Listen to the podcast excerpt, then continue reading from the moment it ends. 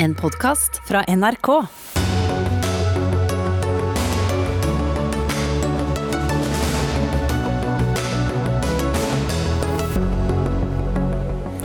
Karantenehotell bryter grunnleggende menneskerettigheter, mener professor. Men fortsatt kommer nordmenn fra utlandet til å bli sendt nettopp dit. Venstre hevder EØS-avtalen er i fare dersom det blir regjeringsskifte. For mens Arbeiderpartiet er for, vil stadig SV og Senterpartiet ha noe annet. Plutselig er Miljøpartiet De Grønne og Frp enige om å være mot et klimatiltak. Miljøpartiet De Grønne synes nemlig elektrifisering av sokkelen er feil. Og når vil Donald Trump innrømme valgnederlag? Aldri, sier USA-kjenner, som tror den sittende presidenten nå har siktet seg inn på 2024. Ja, Da sier vi riktig god fredagskveld og velkommen til ukens siste Dagsnytt 18 med Espen Aas. Vi starter med de mye omtalte karantenehotellene, som vi utvilsomt har hørt en god del om i det siste. Nordmenn som har vært i utlandet, og som ved ankomst til Norge har fått streng beskjed om å ta inn på dette type hotellet. Ikke minst kunne vi i Aftenposten for noen dager siden lese om deg, Hanne Ramberg, som hadde besøkt dine barn hos deres far i København. For hva var det egentlig som skjedde da du returnerte til Norge? Ja, Da jeg ankom Gardermoen og skulle gjennom passkontrollen, så når hun registrerer passet, så sier hun spør hun meg om jeg er bosatt i Danmark eller om jeg har eiendom i Oslo. Og det sier jeg nei, det har jeg ikke. Og så sier hun ganske raskt at men da skal du på karantenehotell. Og da ble jeg liksom litt satt ut, fordi jeg har vært med samvær med barna mine. Og jeg vet at jeg, jeg tror i hvert fall at jeg har, er omfattet unntaksreglene. Jeg har jo forsøkt å sette meg godt inn i reglene. Men så sier hun at ja, men Erna har innført, innført nye tiltak. Uh, og vi ser på deg som uh, utvandret. Og så spør jeg liksom ja, men jeg bor og jobber og er i Oslo, og jeg er norsk statsborger. Uh, så sier hun ja, men eier du leiligheten? Nei, jeg leier bare. Og da sier hun at ja, men da skal du på karantenehotell. Og så nikker hun til grensepolitiet, og så ble jeg bare henvist til en stol. Mm.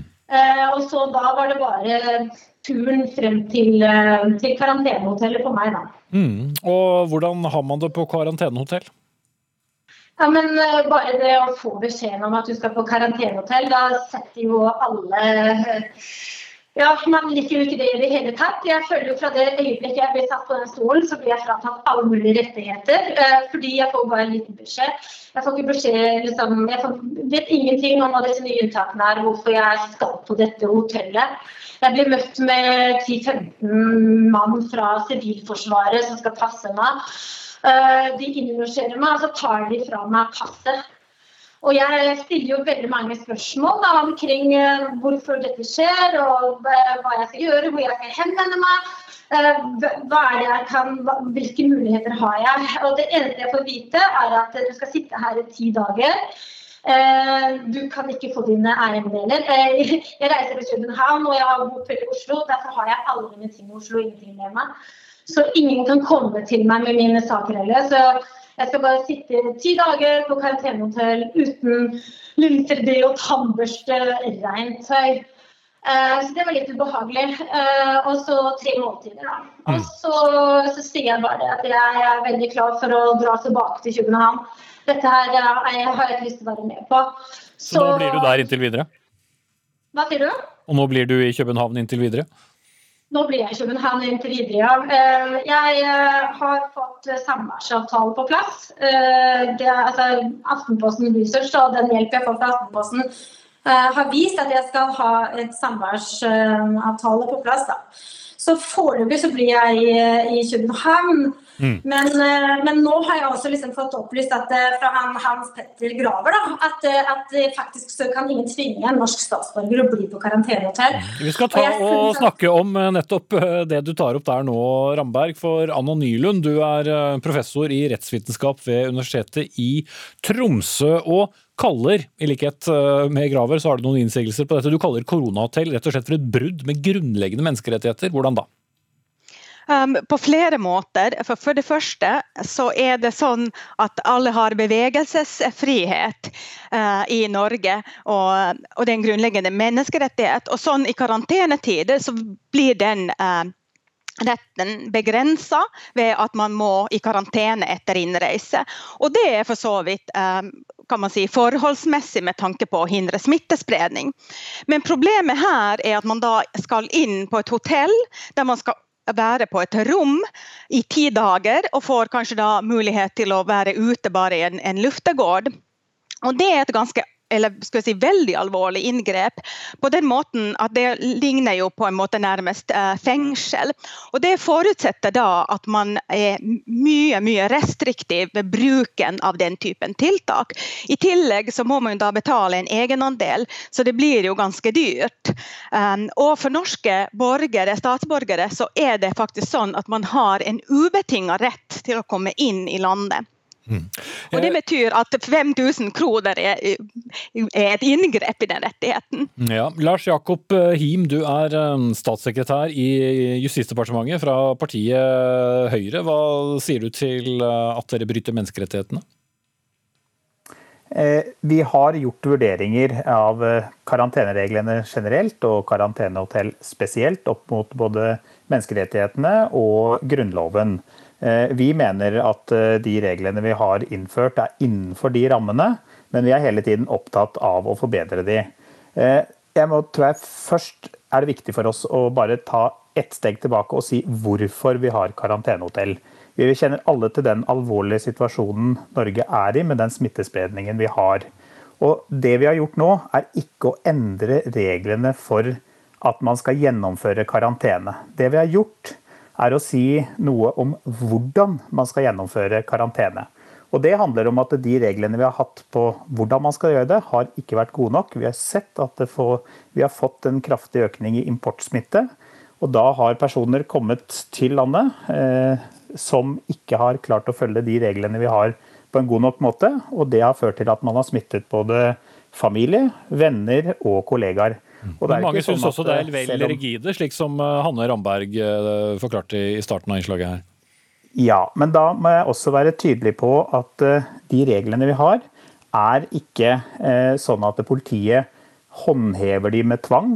Dette er Kall det litt veiledende. Det er som når politiet også, eller andre myndigheter, sier til deg hvis du Eh, har vært på byen og kanskje bør du gå hjem, eller det er for mye støy andre steder, så sier gjerne politiet at nå bør du gjøre slik og sånn. Det er egentlig sånn med disse reglene også. Jeg tror ikke Hanne Ramberg opplevde det akkurat sånn da hun Nei, kom tilbake til Norge. Det er, det er, veiledende og informasjon. Og det er jo sånn at man eh, får en beskjed om hvordan reglene skal være. Men det å bryte de, det kan føre til en bot, eh, selvfølgelig. Ja. Men det er, det er, tydelig at det er ikke et fengsel, det er karantene. Du har mulighet til å bevege deg rundt, og du har mulighet så lenge du holder karantenereglene og unngår nærkontakt med andre personer. Mm. Det gjelder også hvis du er i en karantenesituasjon i ditt eget hjem. Du skal ikke opp ha nærkontakt med din familie eller ja, venner. Jeg, jeg, tror de fleste vet hva, hva, karantene betyr i, i ordets uh, betydning. Uh, Anna Nylund, uh, hensikten er jo, som statssekretæren sier, nettopp å hindre smittespredning. Vi har hatt mye importsmitte fra utlandet. Hva ville være en bedre løsning, da? Altså, spørsmålet er jo om folk har tilgang til et egnet oppholdssted under karantenen. Og Da må man gjøre en individuell vurdering. For man kan jo ha et egnet sted f.eks. ved å leie, eller kan få låne en hytte eller en bolig, en sokkelleilighet. Det finnes mange måter å organisere uh, det på. Og Det virker som at regjeringen har innført det her Pga. at det er mange arbeidsgivere som har uh, mange arbeidere som pendler inn til Norge på ukes- eller månedsbasis, og at de ikke har tilbudt gode, egnet nok uh, karantenesteder. Og at man da heller skulle ta og slå ned på det enn å tvinge folk inn i karantene. Og Selv om det ikke er mulig for politiet å tvinge en inn på karantenehotell sånn i liksom formell betydning, så er det jo det at folk opplever at de må dit, og at dersom de ikke går, drar til karantenehotellet, at man da faktisk kan risikere bot, og i hvert fall i teorien fengsel. Og at det viktige å vurdere det om det er tvang, er ikke om det formelt sett er tvang. Mm. Men om det eh, reelt sett fremstår som tvang, og det gjør det jo. Lars Jakob uh, Him, uh, det er altså noen avgrensninger her som er viktig å, å poengtere. For dette med å eie bolig og leiebolig og det å være registrert bosatt eller ikke. Forklar kort hva avgrensningene er her. Avgrensningene som vi har satt nå, er at eh, hvis du er bostedsregistrert i Norge, eller du eier din egen bolig, så kan du eh, ha karantenetiden din eh, der.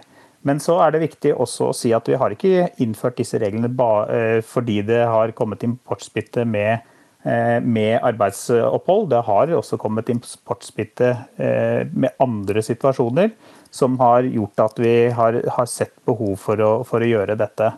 Eh, så tror jeg ikke, som, eh, som, ble nevnt her, at vi kan gjøre en individuell vurdering av hver enkelt når de kommer på, på grensa veldig grundig. Det er derfor vi har valgt å eh, peke på løsninger som er enkelt å dokumentere for de som kommer, sånn at man raskt kan gjøre en vurdering av om du skal veiledes videre til et karantenehotell, eller om du kan ta karantenen hjemme. Mm. Men jeg har lyst til å legge til, vi er, vi er hele tiden opptatt av å forbedre dette regelverket. Vi har hele tiden gjort mindre justeringer. F.eks. så har vi på bakgrunn av at eh, vi så at det var flere som syntes det var urimelig at vi skulle ha full pris f.eks. For, for barn på karantenehotell. Det har vi justert. Vi har sett på hvordan, eh, hvordan langtransportører som er unntatt fra noen av, noen av de andre kravene, f.eks. kan ha karantene i Jo, Nå nevner du en del løsninger på ting vi ikke diskuterer uh, her. Uh, men uh, når det gjelder Hvis du kan dokumentere da faktisk at du leier et sted, selv om du da har vært registrert i utlandet, hvorfor er ikke det f.eks. nok til å kunne isolere seg eller gå i karantene der, og at du da må på hotell? Ja, det var resten av resonnementet mitt. fordi Poenget mitt er at vi hele tiden ser etter om eh, regelverket kan forbedres. Det viktige for oss er ikke at det må være et skarpt skille mellom eie og leie. Problemet er at det er vanskeligere å dokumentere at du da kan ha karantene på en god måte. Men hvis vi klarer å finne måter å dokumentere det på, så er vi åpne for å gjøre vurderinger av det, og det er vi faktisk i gang med å se på også. Okay. Så det jeg sier er at Vi kan hele tiden gjøre justeringer for å få dette, dette bedre. Det men tror jeg vi har fått enkelt og oversiktlig nok. Takk til Lars Jakob Him, statssekretær fra Justis- og beredskapsdepartementet fra Høyre. Takk til Anna Nylund, professor i rettsvitenskap ved Universitetet i Tromsø. Og Hanne Ramberg, som har forsøkt eh, karantenehotell eh, uten helt å ønske det selv.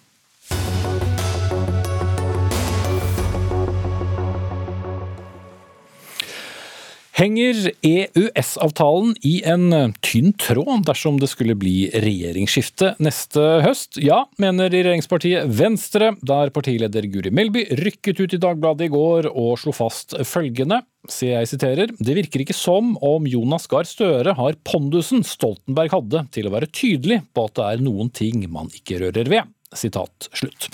Og Guri Melby, leder i Venstre, hvorfor kommer du med denne påstanden? EØS-avtalen har jo vært en utrolig viktig handelsavtale for Norge, og det har sikra norske bedrifter tilgang til et viktig marked. Og det har ikke minst gjort Europa åpnere for alle oss som ønsker å reise og studere og jobbe over hele Europa. Og Arbeiderpartiet har jo alltid vært en viktig forsvarer av EØS-avtalen, nettopp av disse grunnene, fordi den er så viktig. Men nå opplever vi jo litt andre takter fra Arbeiderpartiet enn det vi så f.eks. før inngåelsen av den rød-grønne regjeringa i 2009, da Jens Stoltenberg satte ned egentlig et ultimatum overfor sine da, potensielle regjeringspartnere i Senterpartiet og SV om at EØS-avtalen ikke kunne røres dersom de skulle samarbeide i en regjering.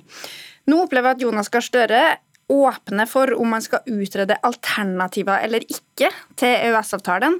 Og jeg vil jo si at Det er et veldig farlig spor å begi seg inn på i en situasjon der Arbeiderpartiet nå på de fleste målingene er mindre enn det da EØS-motstanderne, SV og Senterpartiet, er til sammen. Mm. Men Hvordan opplever du at uh, han ikke garanterer uh, altså, uh, Hvordan er opplevelsen din at Jonas Gahr Støre ikke er så varm forsvarer av EØS-avtalen? Altså, jeg vil jo gjerne tolke han i beste mening, men når han sier at han er åpne for å for utredninger, at vi aldri kan si nei til mer kunnskap, så mener jeg at han egentlig gjør det motsatte av det Jens Stoltenberg gjorde. Jens Stoltenberg han slo fast at EØS-avtalen den er ikke på bordet, det er ikke noe vi forhandler om.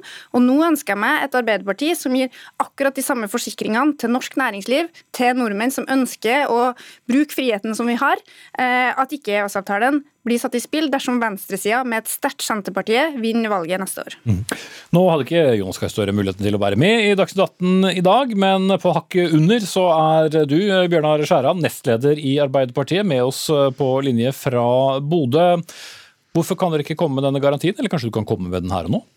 Ja, Vi har vært veldig klar hele veien. For Arbeiderpartiet er det tre ting som ligger som ei helt klar ramme rundt politikken som ei Arbeiderpartileder regjering vil føre.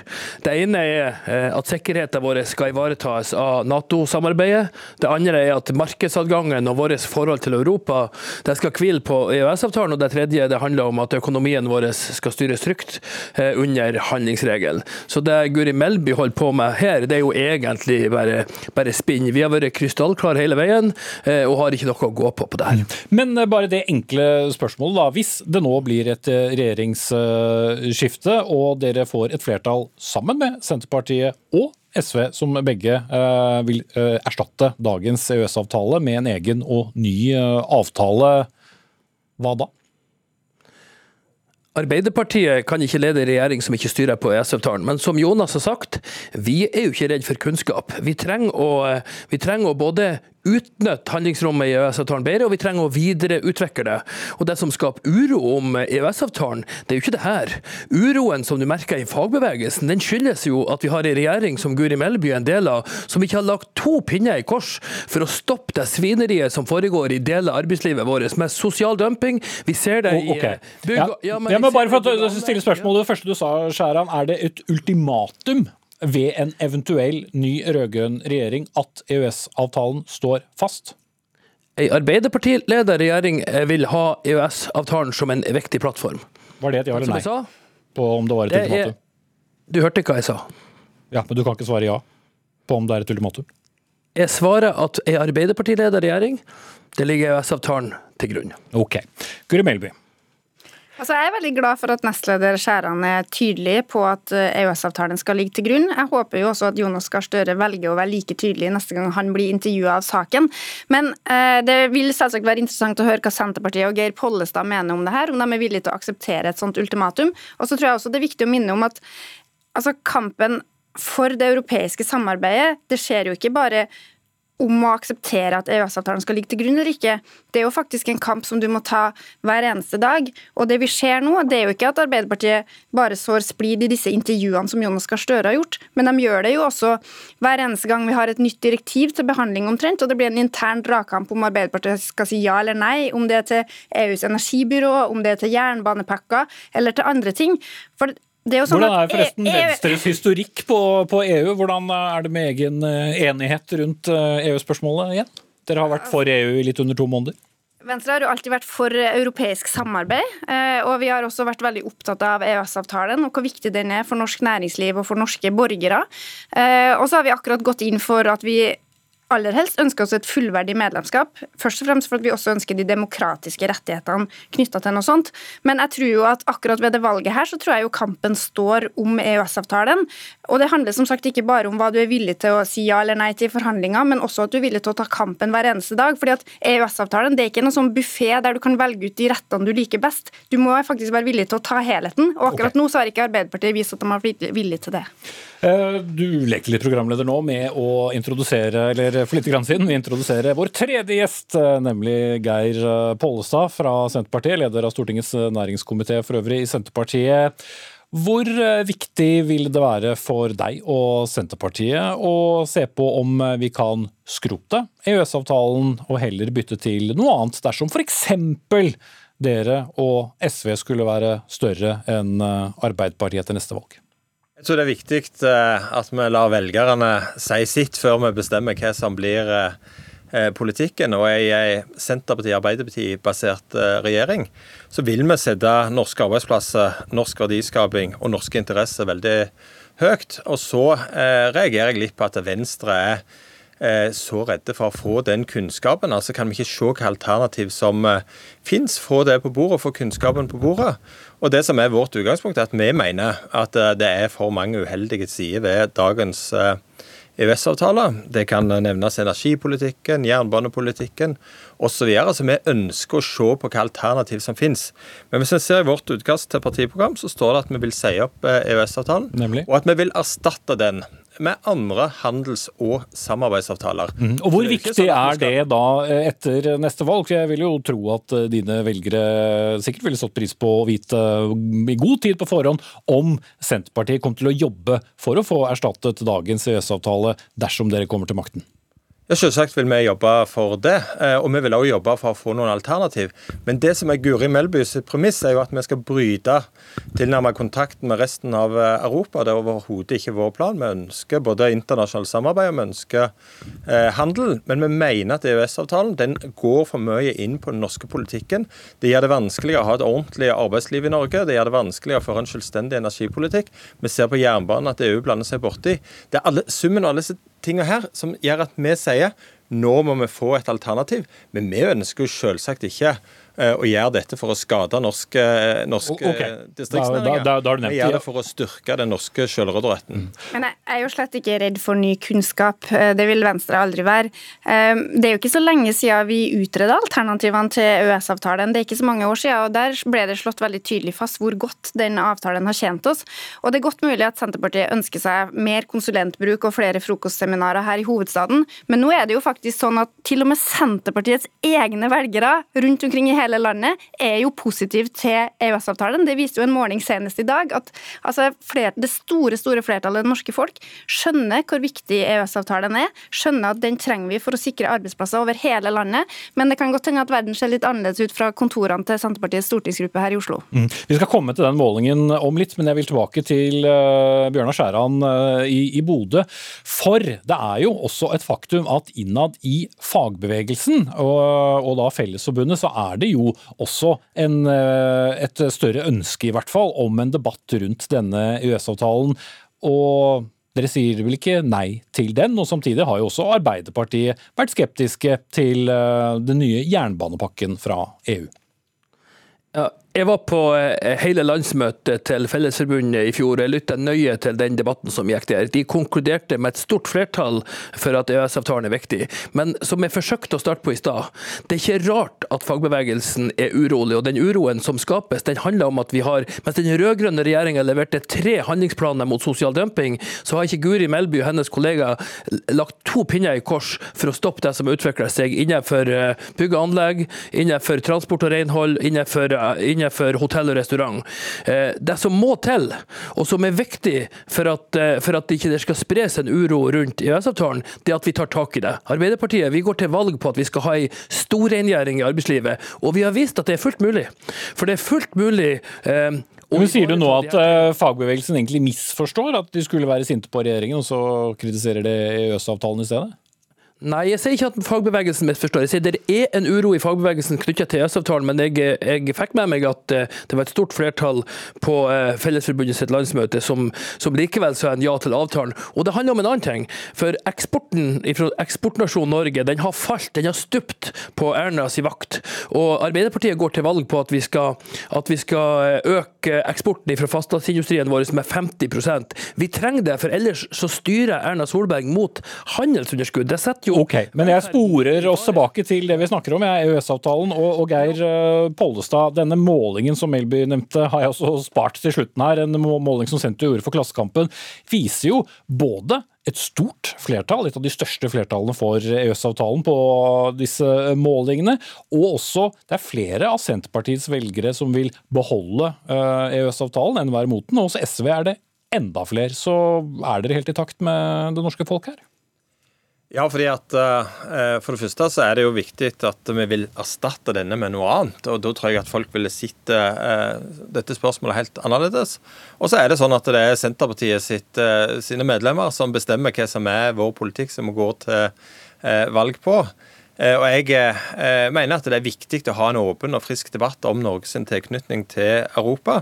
Og jeg mener at det må være mulig å diskutere og få fram alternativ. For det som har vært problemet òg, er jo at regjeringa ikke har hatt noen vilje til å stå opp mot Brussel. De nyfrelste EU-tilhengerne eh, e i Venstre de er jo sånn at eh, hvis bare en tanke er kommet på i Brussel, så er den per definisjon god. Eh, I Senterpartiet så ønsker vi å se på tjener dette norske interesser.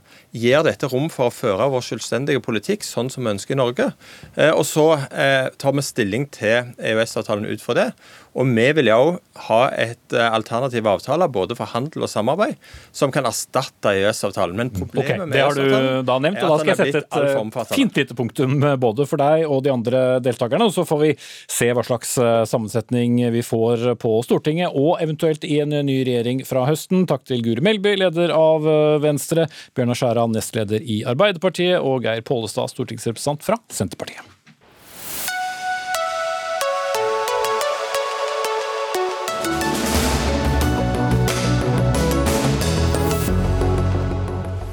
Bare nevner at Mot slutten av sendingen skal vi snakke om uh, enigheten om ny langtidsplan for Forsvaret, som kom på plass uh, i dag. Men uh, hvor stor enighet var det egentlig? Men nå skal vi snakke om en helt annen form for enighet. For de regnes vel som norsk politikks motpoler i klima- og miljøspørsmål. Men Miljøpartiet De Grønne og Fremskrittspartiet er nå enige om å være mot oljenæringens store klimagrep på norsk sokkel, nemlig elektrifisering, som vi sier, eller å legge strømkabler dit. Det er Aftenposten som skriver om dette i dag. I dag drives hovedsakelig oljeplattformer av gassturbiner med forurensende utslipp, men ifølge fremskrivninger fra Oljedirektoratet kommer om få år halvparten av sokkelen til å drives av strøm fra land. Men ikke hvis dere får eh, viljen deres, eh, energipolitisk statsperson i MDG, Aske Ibsen eh, Lindahl. Hvorfor vil du heller ha utslipp enn strøm? Det som er det største problemet med den elektrifiseringa som nå er planlagt, er at den i praksis vil bidra til en kraftig levetidsforlengelse av vår fossile produksjon. Og bidra kraftig til å renvaske vår fossilnæring og den regninga er det vi som innbyggere som skal betale for. Mm. Så da får det heller eh, være forurensende utslipp fra de samme plattformene, så lenge? Nei, altså, Det må stilles krav til nullutslipp eh, innen en viss tid. Men det er klart at det som skiller oss og Frp, er at vi har et bilde der vi ser mot en helt klar og planlagt utfasing av den næringa, mens Frp ikke ser det. Og Det er nettopp i møte med den utfasinga at det at du da skal investere stort i en elektrifisering, ikke vil ha noen ting for seg på de her feltene. Mm. Hildegunn eh, Blidheim, direktør for klima og miljø i Norsk eh, olje og gass, altså interesseorganisasjonen for eh, oljenæringen. Er det viktig for din næring om dere driver plattformer på, strøm eller på gass som i dag? Ja, selvfølgelig er det det. Eh, jeg har lest disse artiklene i dag, jeg også. Og det er jo det er tre fakta som er veldig viktige her. Og det er eh, for det første, elektrifisering av sokkelen gir helt reelle utslippskutt. Jeg ser det er eh, noen argumenter for at det ikke er det. EU har rigget sin klimapolitikk slik at reduserer vi utslippene her i Norge, så reduseres de i Europa og globalt. Så det nytter. Eh, en annen ting er at eh, Norge eh, har forpliktelser i Parisavtalen. Våre utslippskutt med elektrifisering kommer til å bidra betydelig til å få til det. Og I tillegg så er det jo, sant, Elektrifisering vil generere mye aktivitet i Norge. Det vil generere mye verdiskaping i leverandørindustrien. Det vil generere arbeidsplasser. Alt dette, i tillegg til at vi da sikrer god drift og utslipps, reduserte utslipp fra olje- og gassproduksjon gir penger i statskassa, og eh, ikke er, dette er ikke negativt for Norges befolkning. Mhm. Overhodet ikke. Men Jon Georg Dale, energipolitisk, energipolitisk statsperson fra Fremskrittspartiet. Det har ikke vært så mye iver fra deg i dette studio for dette miljøgrepet. Du har jo egentlig bare ledd av det. Nei, det er ikke gjort, men jeg har sagt at det er ikke et eh, effektivt klimatiltak. Og det er det som er mitt poeng i ett og alt. Hvis en skal føre en politikk som fører oss mot eh, Parisavtalens mål, så må vi gjøre det som er effektivt og det som virker. Og når vi har spurt Olje- og energidepartementet i forbindelse med statsbudsjettet for 2021 hva slags virkninger vil vi få av elektrifisering av sokkelen, så sier de punkt 1 det koster mellom 1500 og 8000 kroner tonnet i utslippsreduksjon å gjennomføre dette tiltaket. Det er ekstremt dyrt. Det andre de sier, det er at det vil bidra til å øke strømprisene på land, bl.a. fordi det vil kreve en formidabel utbygging av vindkraft.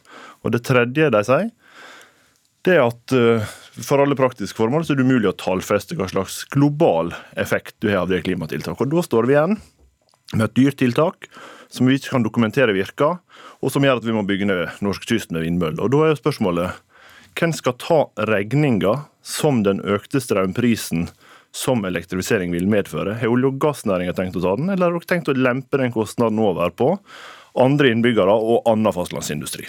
Blinde. Ja, her er det en del faktafeil. Utslippsreduksjoner vil faktisk gi globale utslippsreduksjoner. Nettopp fordi EU har nå modernisert sin klimapolitikk, så vil det gjøre det. Det er, nei, det er, det er en ting. En av gangen, begynner jeg først. Det er én ting. For det andre, så når man elektrifiserer, så vil man måtte oppgradere, ja, våre, vår infrastruktur på strøm. Vi vil ta vår andel av kostnaden. Det er jo allerede bestemmelse på anleggsbidrag her. Og det blir litt bakvendt argumentasjon å si at det er befolkningen i Norge som betaler for de tiltakene vi gjennomfører. For det vi sikrer er jo faktisk fra både kortsiktig og langsiktig inntekter til statskassa og pensjonsfondet til det gode for Norges befolkning. Det å si at dette er bare en ren utgift over Norges befolkning, det er jo ikke riktig. Mm, jeg vil innom Lindahl før du får uh, ordet igjen, uh, Dale. Poengene til oljenæringen, er du uenig i alle sammen? Ja, stort sett. Altså, Fornybar energi skal gå til å erstatte fossil energi, ikke til å produsere fossil energi. Og Det er interessant at Blindheim drar opp EU, for elektrifisering, sånn som det ligger an til nå, vil det Eh, vil det gå som et brunt, eller som et rent grønnvaskingstiltak i de nye forslagene til finansreglene i EU? Så det er jo feil. Altså, Dette er ikke et grønt tiltak, og vi bidrar til en de facto eh, kraftig levetidsforlengelse av den næringa. Mm. Denne levetiden vil du ha, Jon Georg Dahl, så du trenger ikke å gå inn eh, på den. Men eh, her står dere hand i hand, eh, du og, og, og, MDG.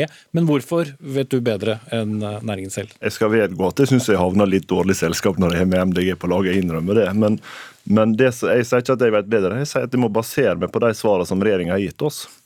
Og De svarene som regjeringa har gitt oss, de sier jo ganske enkelt at den gassen som vi bytter ut hvis vi elektrifiserer sokkelen, den blir ikke sånn at den forsvinner. Den blir eksportert til andre land, som der brenner den. Med andre ord, utslipp, ut, utslippene blir akkurat like høye, men det vi i tillegg må gjøre, er altså å prise krafta til øvrig fastlandsindustri høyere for å få det til. Og da står vi i fare for at vi taper arbeidsplasser i kraftkrevende industri, at vi ikke holder oppe konkurransekrafta, og at vi må bygge ut kraft som vi ellers ikke vil ha behovet for. Og Da er ikke olje- og gassnæringa interessert i å ta hele den regninga. Hadde en enda det vært, men jeg sier at en alle andre må være med å betale for en høyere strømpris for at en skal gjøre dette tiltaket, som Olje- og energidepartementet sier ikke er dokumenterbar effekt. Så jeg får svare på det, Bline, men, men, bare for å ta den ene delen av argumentasjonen til, til Dale. altså De utslippene som vi jo sparer inn, er jo kun selvfølgelig utslippene som skjer på norsk sokkel. Og så vil jo utslippene fra olje og gass som vi eksporterer, de vil jo være det samme. Men det er jo utslippene i det norske klimaregnskapet som det først og fremst vil handle om. Nei, eh, det er, det er ikke derfor. det, det, er klart vi reduserer utslippene. Norges utslipp vil, vil, bidra til det. Men også i EU så vil disse utslippsreduksjonene være helt reelle. Det er ikke sånn at de popper opp et annet sted i Europa som de gamle argumentene var. For det, det gjelder ikke lenger i klimapolitikken i EU. For det andre så, den gassen vi eksporterer i stedet for å brenne den på norsk sokkel, den vil bli brukt langt mer effektivt i Europa enn det vi får til på norsk sokkel. Gasskraftverk eller bruk av gass i husholdningene i Europa er langt mer effektiv, mindre klimautslipp fra enn det vi får til på gassturbiner på sokkelen, for de er ikke like effektive. Så det er ikke sant at eh, det er akkurat det samme utslippsregnskapet. Det stemmer ikke. Og så vil jeg gjerne kommentere én ting til.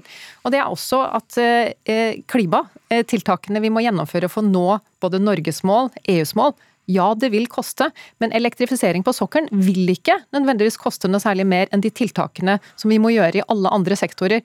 De er ofte veldig mye dyrere enn de tiltakene vi gjennomfører nå i oljebransjen. Så det er effektive nasjonale klimatiltak. Okay. Dale og så Lindahl. Det er jo dessverre feil. Og jeg, sagt, nå, nå, baserer vi oss på det som regjeringa har svart oss, basert på den beste tilgjengelige informasjonen, bl.a. fra den rapporten som Oljedirektoratet som programlederen viser til innledningsvis. Men det som er det reelle situasjonen, er jo at departementet sier jo nå at kostnaden på elektrifiseringstiltak på det enkelte av prosjektene kan være helt opp til 8000 kroner per tonn.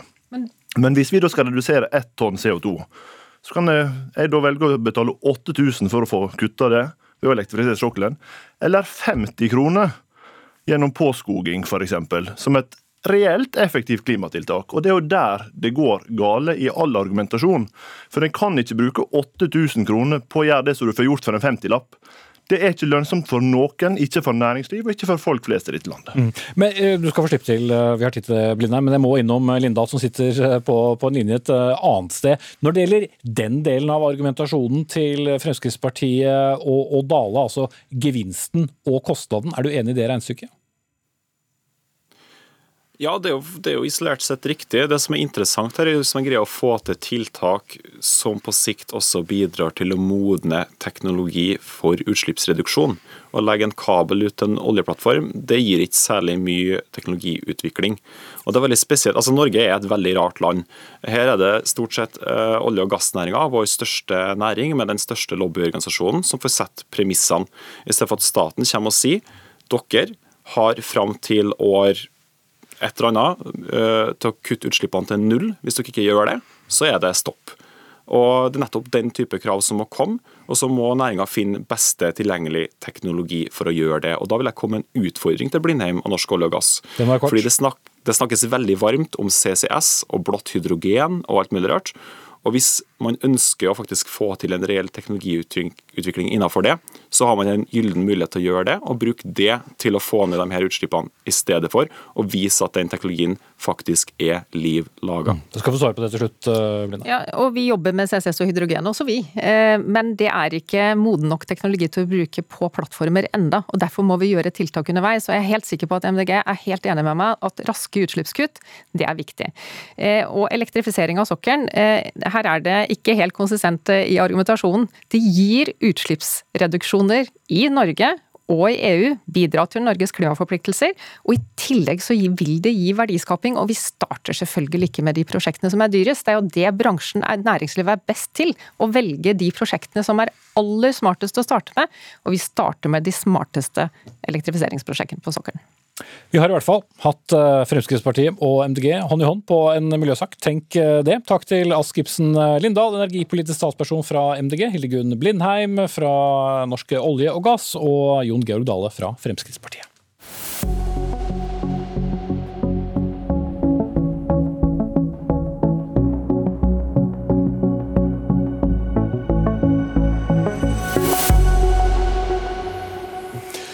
Det er eh, gått mer enn to uker siden amerikanerne strømmet til eh, alle sine valgurner, men eh, det telles fortsatt stemmer.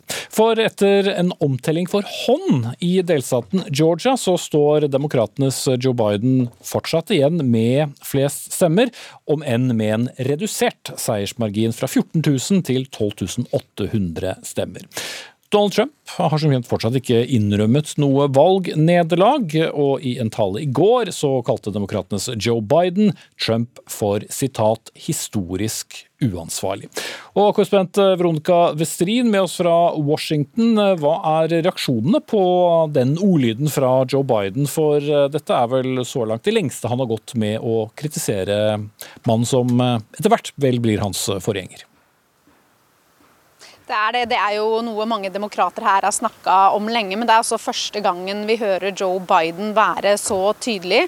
Han sier altså at dette er en eh, ødeleggende beskjed sendt til verden om hvordan vårt demokrati fungerer. Og det er jo mange som reagerer på at eh, Trump ennå ikke anerkjenner valgnederlaget, men det som kanskje får mest oppmerksomhet her akkurat nå, er jo at han aktivt eh, fortsetter å motarbeide det ved å forsøke å forsinke eh, denne opptellingsprosessen. Så håper han også å forsinke prosessen sånn at ikke valgmennene blir utnevnt. Det er jo ikke før 14.12 at de formelt eh, skal stemme over hvem som blir USAs neste president. Og akkurat nå så er to representanter fra det republikanske partiet i Michigan, øverste representanter der, på besøk her i Washington DC, og de ble jo møtt av demonstranter på flyplassen eh, som frykter at eh, Trump eh, med dette ønsker å påvirke dem til å hindre denne utnevnelsen av disse viktige valgmennene. Mm. Hvordan jobber da Biden og hans folk mot en overtagelse da 20.1? Eh, For det er jo ikke akkurat sånn at man bare én flytter ut og en annen flytter inn. Jeg har jo vært i kontakt med en som var med i Obamas overgangsteam, og som sier at det de holder på med nå, er jo og eh, forsøke å få oversikt over hvordan departementene jobber, hvilken politikk som er eh, utført, og ha kontakt med personell. Og det får de da ikke lov til, eh, fordi de fortsatt mangler denne formelle underskriften som sørger for at de får den offisielle tilgangen til det. Så de har ikke lov til å ha kontakt med dem, og det gjør det jo vanskelig.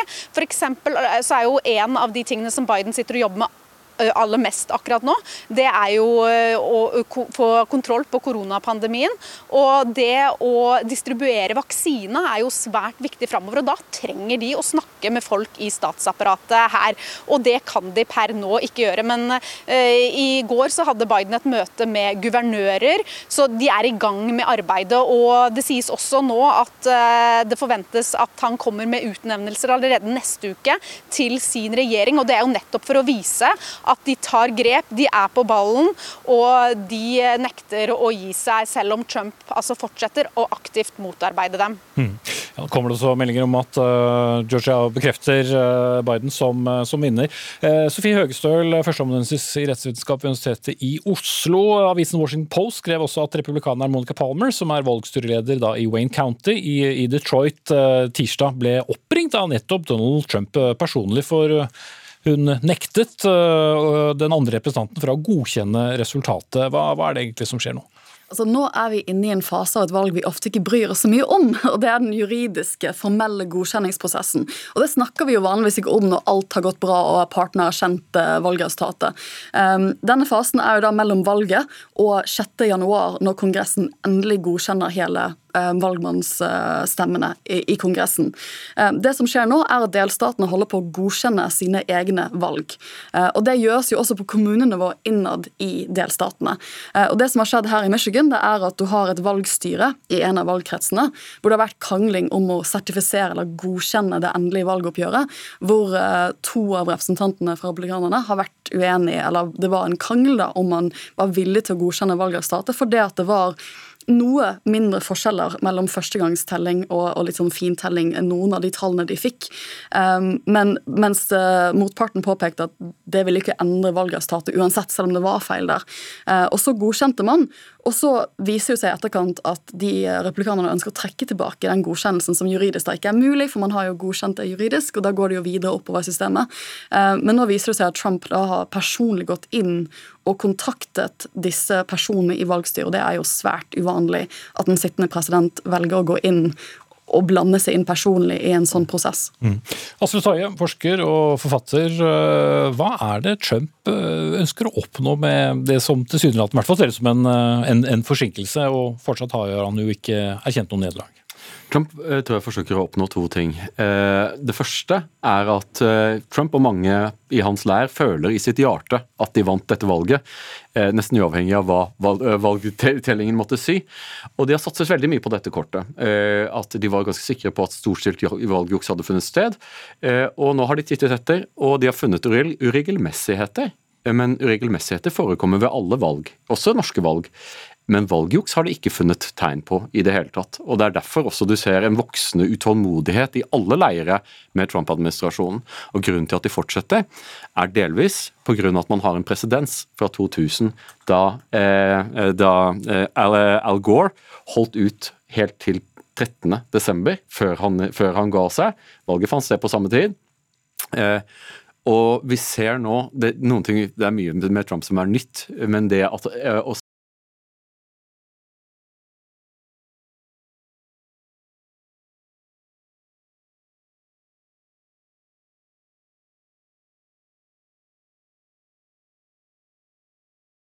bygge denne valgkampanjen på en dolkestøtslegende. Eh, at, han vil skape et inntrykk blant hans, eh, hans uh, følgere om at valget var basert på juks på en eller annen måte, uansett om det så, så, forekom det ble stjålet på en eller annen måte, og at det ikke skal skje igjen. Mm. Trygve Svensson, leder av Tankesmien Agenda. Du er som mange også veldig opptatt av, av dette valget. Hvordan tolker du det Donald Trump gjør? Jeg vil jo si, altså jeg begynner nesten å bli litt sånn ferdig med Trump i seg sjøl, eller å prøve å forstå personen Trump. Eller jeg blir ferdig. Jeg syns ikke nødvendigvis det er den mest fruktbare veien å gå. Det som er det viktige spørsmålet å stille, er hvordan påvirker dette det amerikanske demokratiet, og hva, hva er på en måte de politiske konsekvensene. Og Der er nok, eh, tror jeg Asle Toje har et godt poeng når han sier at det som vi ser nå, er en forberedelse på det som kommer om fire år. Eh, og kanskje vi kan utvide perspektivet enda litt mer og si at ok, kanskje vi er i ferd med å gå fra Trump til en form for trumpisme. Altså trumpisme som en politisk metode. En politisk, en, eh, det er ikke en klar ideologi, men det er en måte å forholde seg til valg på. Eh, så jeg er litt uenig med den allegorien til Al Gore, må jeg si. For Al Gore var jo, altså han gjorde noe som Trump aldri ville gjort. Al Gore satt med vippestemmen i Senatet i 2000 og valgte å godkjenne resultatet. Så han opptrådte på mange måter litt som en sånn konstitusjonell helt, han, i motsetning til det vi ser Trump men, men, poenget var jo likevel at uh, man holdt på i, i lang tid uh, også der. Og, det, og, Da var det et valg med 500, som sto om 537 stemmer i Florida, ikke et valg som var klart vunnet, sånn som Joe Biden har.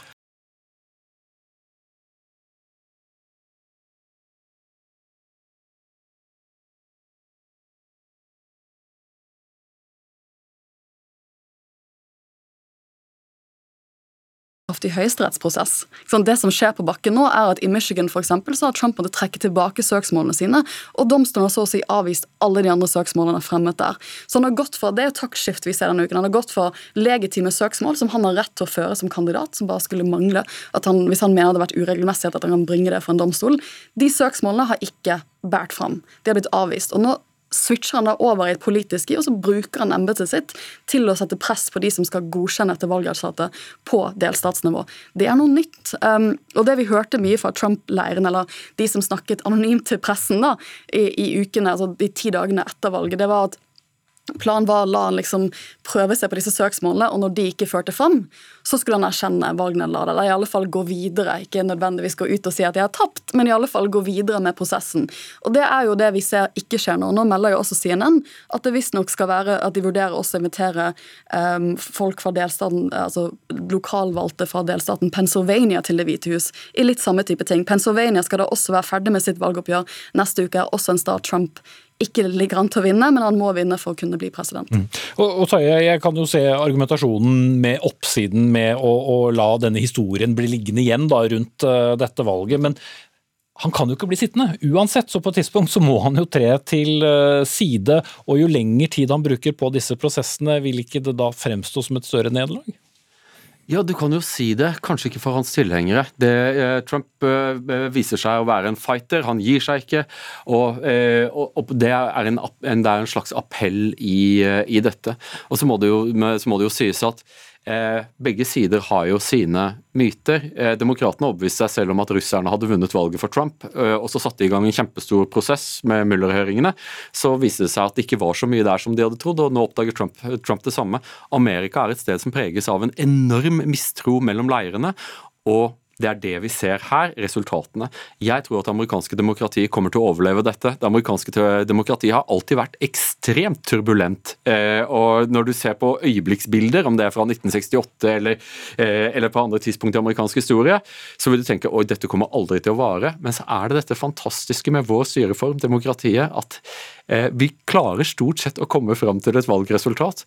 Det som uroer meg mer, er at Trump kommer til å være en stein i skoen for, denne, eh, for, denne, for den kommende eh, Biden-administrasjonen. Og det virker som at han ikke har noen respekt for spillereglene. Eh, og for hvordan man skal oppføre seg som en beseiret kandidat i et demokrati. Og Det tror jeg kan bare fortsette å fordype kløftene mellom amerikanere, og det tror jeg ikke er av det gode. Mm. Og Svensson, du har jo nærmest tatt ordet for at andre, eller har tatt ordet for at andre eh, konservative ledere, enten de heter Erna Solberg eller noe annet, også må si fra om den prosessen som kommer nå. Ja, og det er rett og slett fordi det gjør inntrykk på meg å se eh, si republikanere som sitter i en delstat, tar ansvar for valget der, sier dette valget har foregått godt og ryddig, og så blir de da altså De mottar dødstrusler fordi Donald Trump peker på dem og sier det der er bare en republikaner i navnet.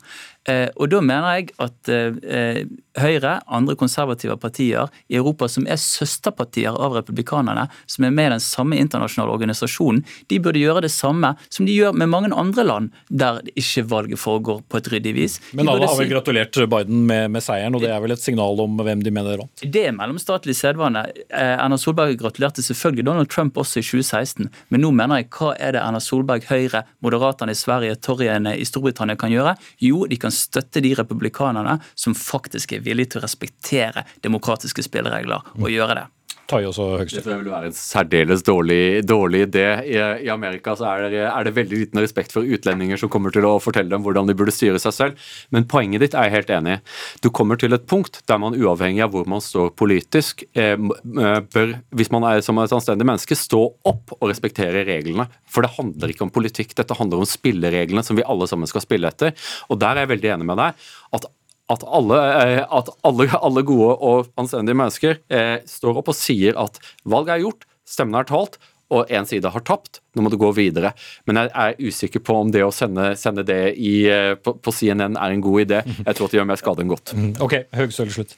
Ja, nei, det, det, kan jeg ikke si noe på, men jeg tenker at det viktigste her er at delstatene får lov til å godkjenne sine egne valgoppgjør, som de skal gjøre helt uavhengig av hva presidenten syns om det. Mm. Ja, for det som vi har vært inne på også i oppkjøringen til valget, så er det jo der valgene skjer, og de har sine forskjellige regler. Men eh, et stykke vei igjen eh, ennå. Og det nærmer seg altså denne berømmelige datoen i desember. Takk til Asle Toje, forsker og forfatter, Trygve Svensson, leder av Tankesmien Agenda, Sofie Høgstøl, førsteamanuensis i rettsvitenskap ved Universitetet i Oslo, og Veronica Westrin, som var med oss fra Washington.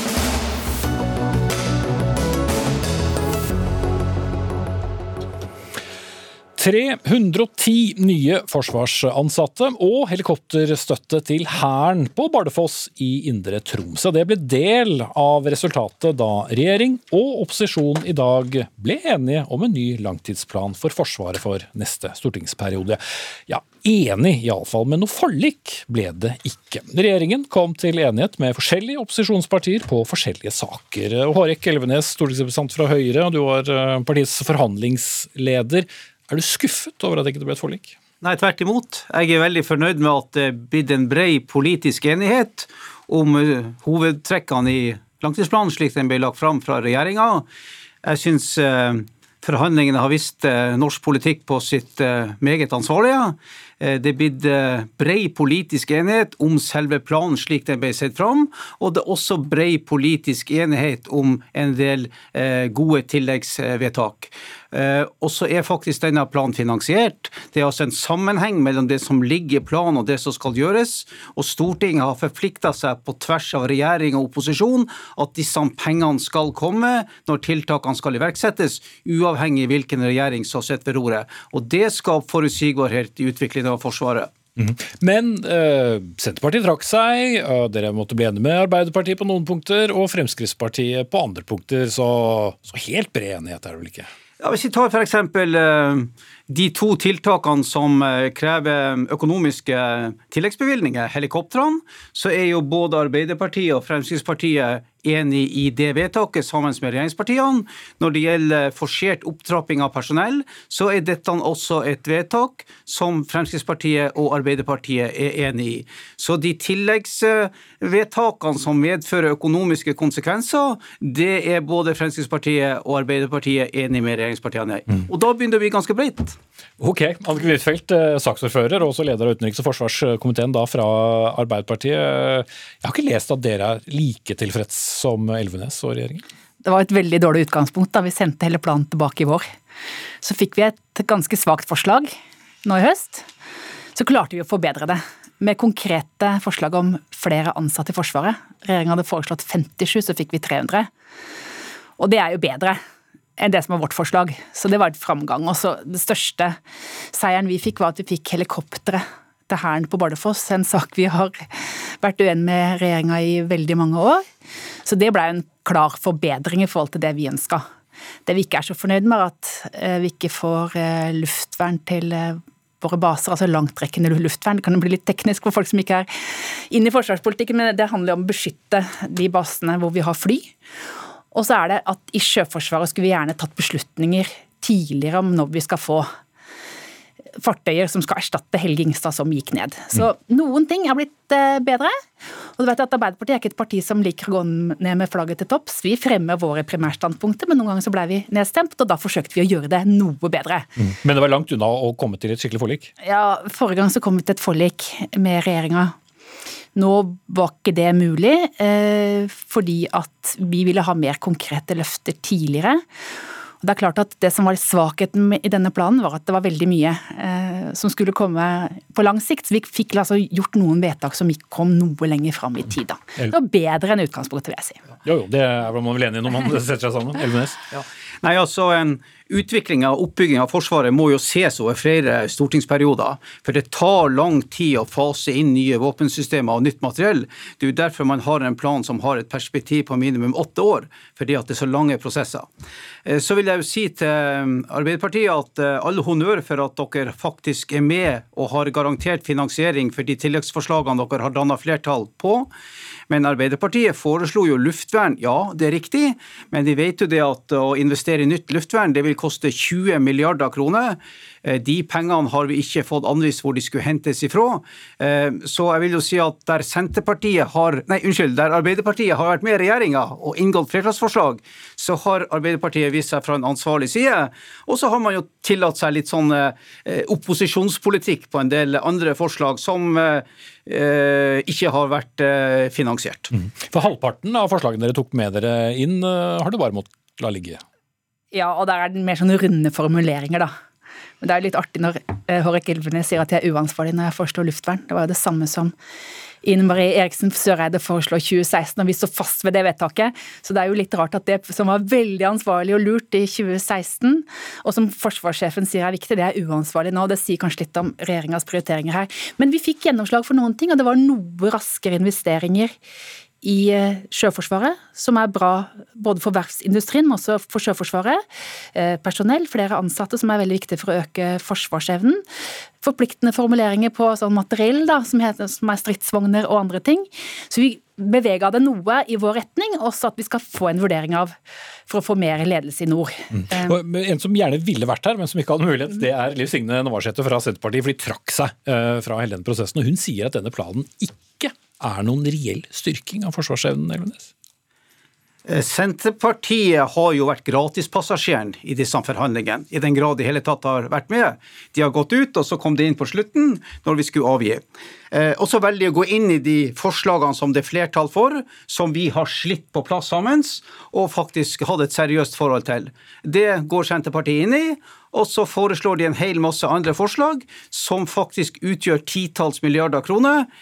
Og skal slike forslag være finansiert, så må det legges enten penger på bordet med troverdighet, eller så må andre elementer tas ut. Og ingen av delene gjorde Senterpartiet. Si, Men det er det en styrking av forsvarsevnen? For det er egentlig det som eh, Det er helt opplagt en styrking av forsvarsevnen. Det, altså det skal investeres 180 milliarder kroner i nye våpensystem og nytt materiell de neste åtte årene. Og det er store summer som vil gi økt kampkraft. Ved at vi får mer personell, altså 6000 eh, mer personell i løpet av åtte år, år, så får du altså en struktur med større utholdenhet og bedre reaksjonsevne. Veldig kort til slutt, eh, Huitfeldt. Ja, nå er ikke Senterpartiet her til å forsvare seg, men jeg syns ikke gledende politikk er å fremme forslag som blir nedstemt. Jeg syns gledende politikk er å få gjennomslag. Så vi fremmer våre primære standpunkter og har blitt nedstemt på noe av de, og så har vi gått sammen med regjeringen for å få noen forbedringer. og Det syns jeg er ansvarlig forsvarspolitikk. Og heter Langtidsplan for Forsvaret 2021 til 2025. Takk til Hårek Elvenes og Anniken Huitfeldt, ansvarlig for dagens sending, Arild Svalbjørg.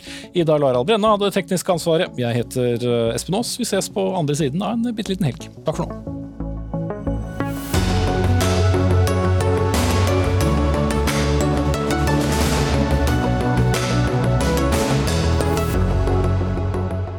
Du har hørt en podkast fra NRK. Hør flere podkaster og din NRK-kanal i appen NRK Radio.